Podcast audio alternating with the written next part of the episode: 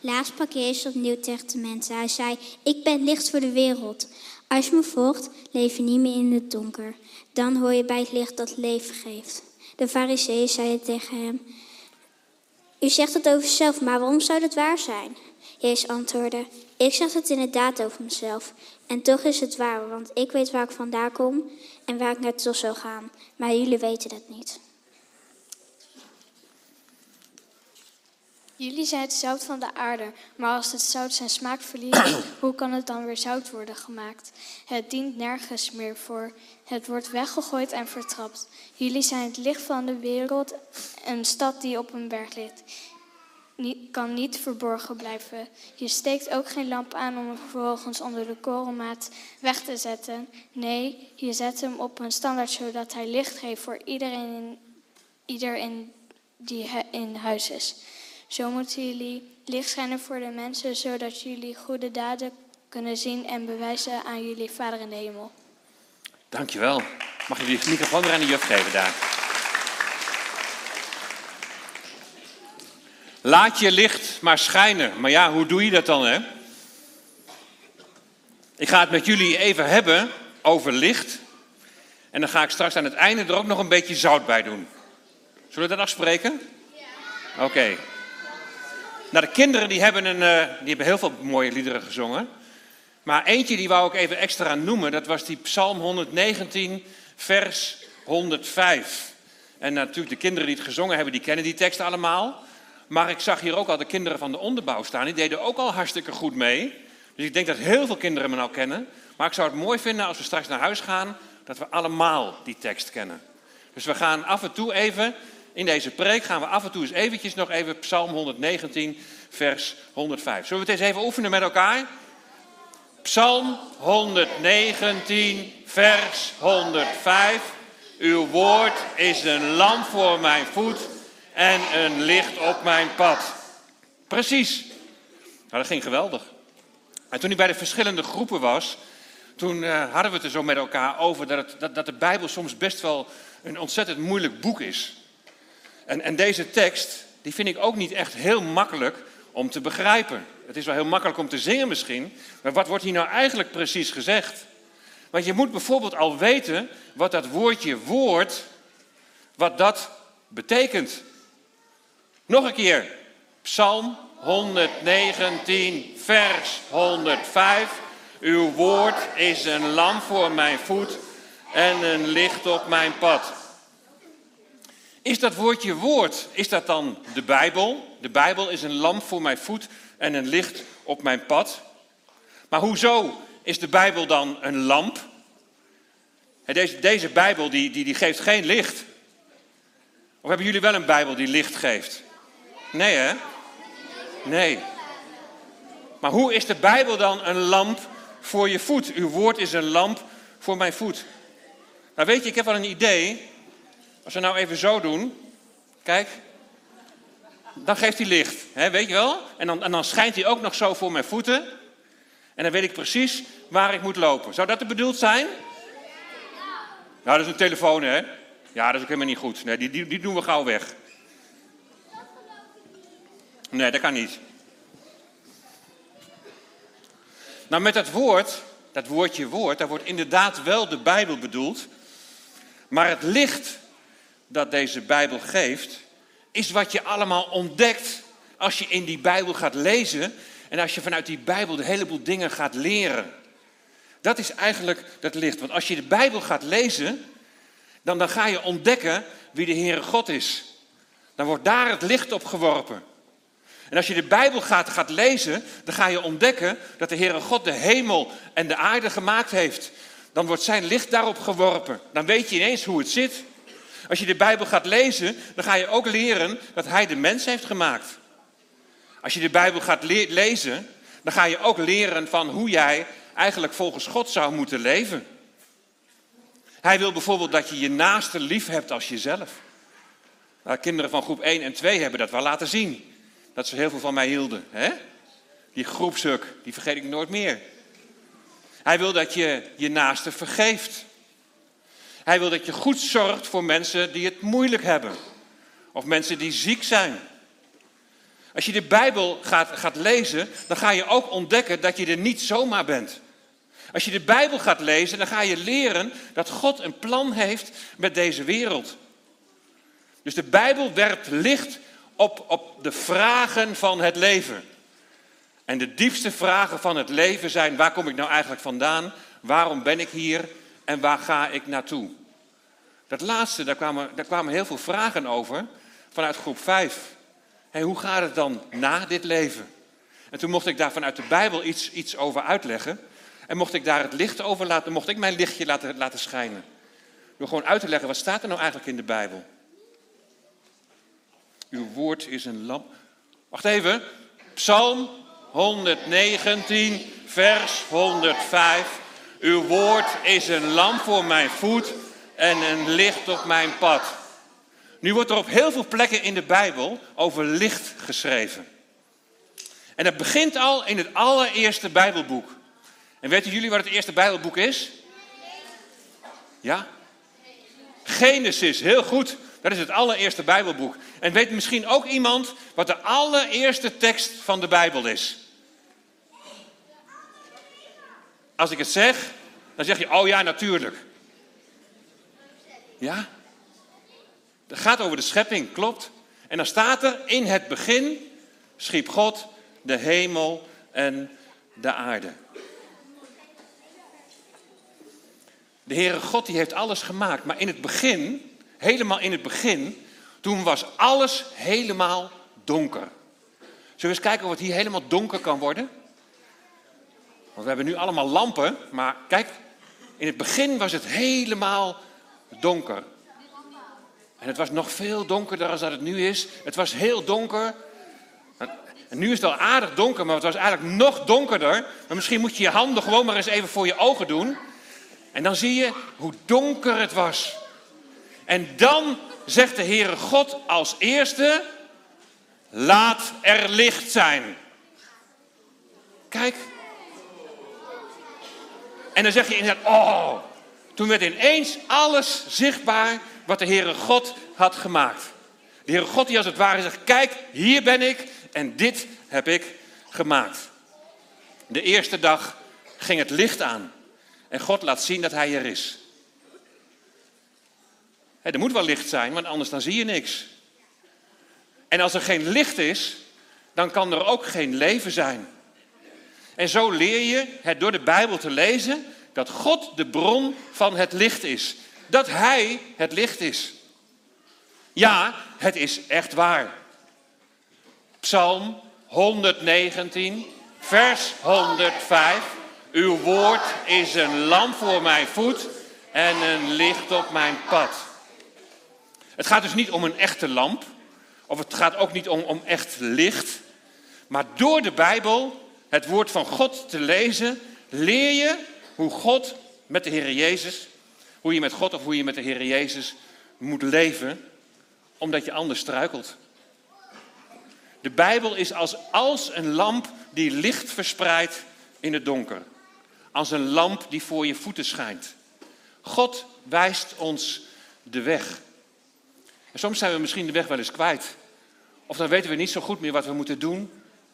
En dan is het zo belangrijk dat we weten wat God wil. Een lamp die schijnt. Nou, dat geldt ook voor deze lichtboei. Moet maar eens kijken. Wel mooi hè, dat jullie school de lichtboei heet. Een lichtboei die zie je hier zo, zo liggen in het water. En als het heel donker is, en het is bijvoorbeeld slecht weer, en je kunt nauwelijks iets zien op het water, of het stormt misschien wel, dan geeft deze lichtboei, die geeft licht. En dan weet je, maar die, kant moet ik op. Want je weet de weg niet meer, maar, maar die kant op, ik moet de kant op van het licht. Ik moet de kant op waar het licht schijnt. De lichtboei. Het licht wijst de weg. God wijst door de Bijbel die Hij ons gegeven heeft, wijst Hij de weg hoe je moet leven. Als het donker is kun je zomaar struikelen. Dan moet je oppassen. En dan moet je het licht aandoen. Dat moet je ook dan moet je in de Bijbel lezen wat je moet doen. En als je niet naar God luistert en niet doet wat in de Bijbel staat, dan kun je zomaar struikelen. Als je de Bijbel nog gaat lezen, dan zie je iedere keer weer mensen die niet naar de Heere God luisteren. En dan gaat het ook niet goed met de mensen. Ze komen iedere keer weer in de problemen omdat ze niet naar de Heere God luisteren. En God die stuurt dan iedere keer weer mensen om het volk te waarschuwen. En weet je hoe deze mensen heten? Wie, wie waarschuwen de mensen van let op, naar God luisteren? De engelen? Ja, soms komt er ook een engel, dat klopt. Ja? Jona? Ja, die waarschuwde inderdaad ook. Ja? De profeten, hè? Ja, de profeten die waarschuwden iedere keer naar het volk. Hé hey jongens, luisteren, want zolang jullie niet naar God luisteren, dan zullen jullie struikelen en dan zal het niet goed gaan met jullie. Ze zijn, eigenlijk zijn zij een soort lichtboei. En God die had op een gegeven moment kunnen zeggen van nou weet je wat, zoek het maar uit. Ik wil eigenlijk niks meer met jullie te maken hebben, want jullie luisteren toch niet naar mij. Maar dat is niet wat hij zegt. En dat is onze God. Hij geeft niet op. Hij begint iedere keer weer opnieuw. En als het volk niet luistert naar de profeten, dan besluit hij om zijn zoon te sturen. Licht van de wereld, hebben we net gezongen, u scheen in mijn duisternis. Nu mag ik zien wie u bent. De Heer Jezus, dat weten jullie allemaal wel, die als babytje werd geboren in Bethlehem. We hebben een tijdje geleden nog met kerst gevierd, hè? Dat hij naar deze wereld kwam. En als Jezus komt, dan is het heel donker hier op aarde. Nou, ik bedoel niet echt donker, maar donker in die zin dat de mensen niet meer naar God luisteren. En alles maar doen wat ze zelf willen. En dan gaat er een heleboel mis. En als dan de Heer Jezus komt, dan komt hij als het ware, zeg maar, als het licht in de duisternis.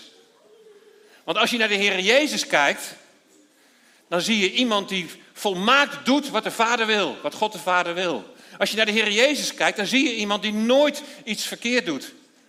Als je naar de Heer Jezus kijkt, dan zie je iemand die volmaakt van mensen houdt, onvoorwaardelijk. De mens, de Heer Jezus, als babytje geboren in Bethlehem. En als hij dan groter is geworden, dan zegt hij, wat jullie net hebben gelezen in Johannes 8, ik ben het licht van de wereld. Dat betekent als je naar Jezus kijkt, dan zie je iemand die naar God zijn Vader luistert en die echt laat zien hoe dit leven is bedoeld. Hij is het licht van de wereld. En als je mij volgt, zegt hij dan, dan leef je niet meer in het donker. Als je Jezus volgt, dan leef je niet meer in het donker. Dan hoor je bij het licht dat leven geeft. Als je mij volgt,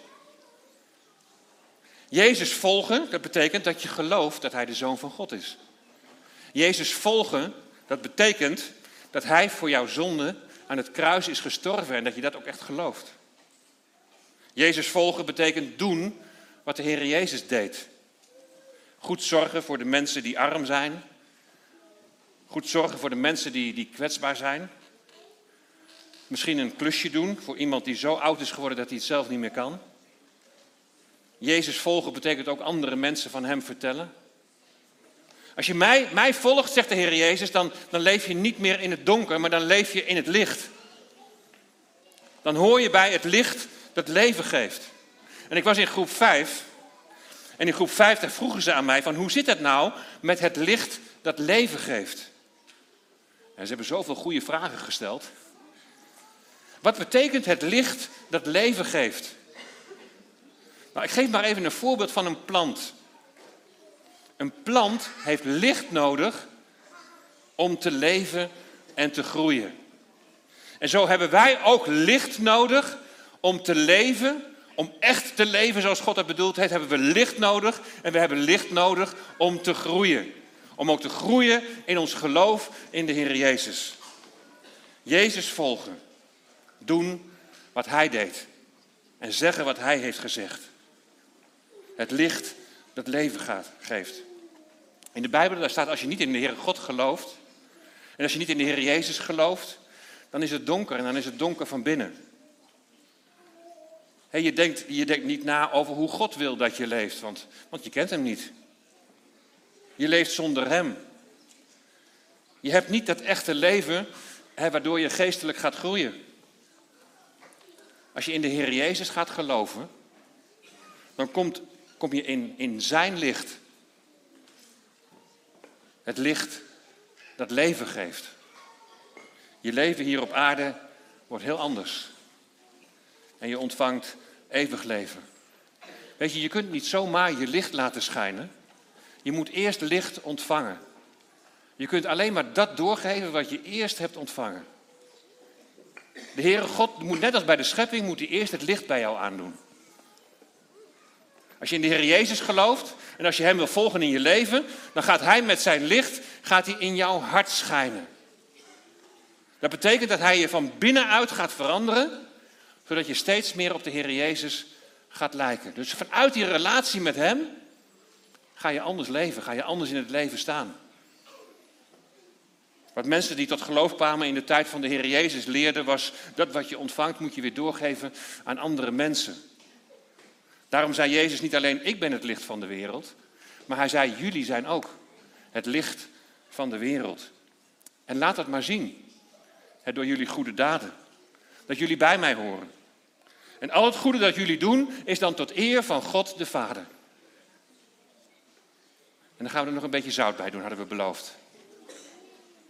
Want Jezus zegt niet alleen jullie zijn het licht van de wereld, maar hij zegt ook jullie zijn het zout van de wereld. En daar hebben we het bij groep 7 en 8 even met elkaar over gehad. Hoe zit dat nou eigenlijk precies met dat zout? Wat bedoelt Jezus nou mee dat jij, ja, jij het zout van de wereld moet zijn? Dan moet je eigenlijk eerst even nadenken over waar zout voor wordt gebruikt. Ik heb het hier even voor jullie op een rijtje gezet. Zout werd gebruikt bij de offers. In groep 8 hadden ze het daar ook al over gehad, over die offers. In de tempel werden dieren geofferd, maar er was ook bijvoorbeeld een graanoffer dat gebracht werd en daar moest dan zout bij worden gedaan. Zout werd gebruikt om slecht drinkwater weer schoon te maken. Zout werd gebruikt zodat levensmiddelen langer goed bleven. Ze hadden toen geen diepvries of een koelkast, dus ze moesten er zout bij doen, opdat het eten langer goed zou blijven. En zout wordt aan het eten toegevoegd om er smaak aan te geven. Als er geen zout in zit, heb je soms, oh wat flauw. Maar dan wordt er echt eventjes iets aan toegevoegd. Wanneer kun je echt je licht laten schijnen? Dan moet je eerst licht hebben ontvangen. En dat brengt mij als eerste bij het offer waar zout aan wordt toegevoegd. De Heer Jezus bracht een offer. Hij werd gekruisigd. We zien daar het grote kruis staan. Hij gaf zijn leven om onze zonde te vergeven. En om ons weer in relatie met God de Vader te brengen. Daar begint alles mee. Dan gaat het licht aan als je daarin gelooft. Hij versloeg aan het kruis de duivel, de vorst van de duisternis wordt hij genoemd, van het donker. En door op te staan uit de dood, heeft de Heer Jezus zijn licht laten schijnen en heeft hij laten zien, ik ben de overwinnaar. Zie op mij. En mensen die denken heel vaak van, nou ja, als ik maar goede daden doe, en die zijn wel belangrijk, maar als ik maar goede daden doe, dan kom ik straks wel bij, bij God in de hemel. Maar dat is niet zo. Daar kom je alleen maar door geloof in de Heer Jezus. Dat Hij in jouw plaats zijn leven gaf om onze zonde te vergeven. En dan staat er in de Bijbel dat wij ook een offer moeten brengen. Dat betekent dat wij echt Jezus willen volgen. Dat we echt willen doen wat Hij zegt. Als je in de Heer Jezus gelooft, dan wil je ook niet anders dan graag doen wat Hij gezegd heeft. Dan ga je vanzelf, ga je de goede werken doen. En die horen er natuurlijk helemaal bij. Want Jacobus die zegt, het geloof zonder werk is helemaal dood. Maar het begint bij geloof. En vanuit het geloof in onze relatie met de Heer Jezus Christus gaan we de goede daden doen. En die tweede functie van zout is zout gebruiken om vies drinkwater schoon te maken. Dat betekent als jij het goede voorbeeld geeft en als jij doet wat Jezus deed, als jij laat zien dat je van mensen houdt, als je laat zien dat je mensen graag wil, wil helpen, als jij laat zien dat je mensen kunt vergeven, dan ben je zout. Dan gaat het iets positiefs uitwerken naar anderen om je heen. Die derde functie van zout is om ervoor te zorgen dat etenswaren niet bederven. Zout zorgt ervoor dat het eten langer goed blijft. Dit betekent dat je niet zomaar een keertje goede dingen doet, maar dat het eigenlijk gewoon helemaal bij je leven hoort. Dat het gewoon niet één keertje is, maar je hebt voortdurend eigenlijk het verlangen om te doen wat Jezus deed. Want je hebt die relatie met Hem. En van daaruit wil je niet meer anders. Je, bent, je wordt zelf toch ook blij als andere mensen blij worden door datgene wat jij doet. als je eens even naar iemand misschien iets, leuks zegt. Of gewoon eens even iemand vraagt van, hey, kan ik jou eens even helpen daarmee? Als je ziet dat andere mensen blij worden, dan word je er zelf ook weer blij van. Maar het wordt een automatisme. Je wilt niet meer anders. Het licht is immers aangegaan en je wordt van binnenuit veranderd naar het beeld van de Heer Jezus. En de vierde functie van zout, die kennen we denk ik allemaal. Hè? Als het, dat zei ik al, als je zout bij het eten doet, dan krijgt het lekker smaak. En zo is de bedoeling dat wij als gelovigen die de Heer Jezus van harte lief hebben, dat wij smaakmakers zijn in deze wereld. Dat we het goede voorbeeld geven van zoals God het heeft bedoeld. Want het is soms in deze wereld zo ongelooflijk donker. En mensen die oorlog voeren met elkaar. En mensen die elkaar ja, lelijke dingen zeggen. Soms hoor ik wel eens van mensen die vroeger zijn gepest op school. En die er nog heel erg verdrietig van zijn. Dus dat moeten we nooit doen, hè? Want dat is niet je licht laten schijnen. Het is zo bijzonder dat wij de Heer Jezus hebben mogen leren kennen. En ik wil even vragen of je dat staafje even aan me wil geven die naast je stoel ligt.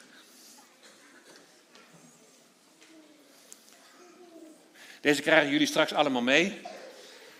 Bij de uitgang.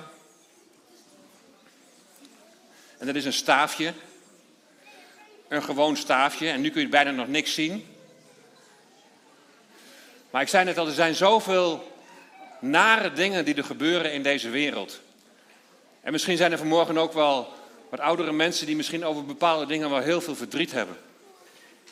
We leven in een wereld waar heel veel misgaat. Waar mensen niet naar elkaar luisteren. Waar mensen oorlog voeren met elkaar. Of waar, mensen misschien wel ruzie maken binnen het gezin. Of wat, wat dan ook. Wat de Heer Jezus wil is, Hij zegt, kom bij mij. Allen die vermoeid en belast zijn. En ik wil je rust geven. Kom bij mij. En weet je, we leven, zoals we dat wel eens zeggen, in een gebroken wereld.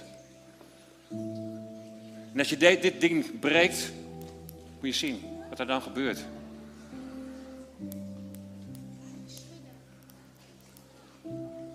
Ik ga hem eventjes proberen hierin te doen. Zie je al hoe mooi die licht geeft? Kijk. En de Heer Jezus die vraagt aan jou of jij jezelf wil verbreken als het ware. Dat je zegt, ja Heer Jezus, ik kom bij u. Ik kan het zelf niet meer en ik wil het ook zelf niet meer. Maar ik weet dat er maar één weg is om gered te worden. Er is maar één weg om bij God de Vader te komen. Dat is niet in eerste instantie door onze goede werken, maar door het licht van de wereld dat in deze wereld is gekomen, de Heer Jezus Christus.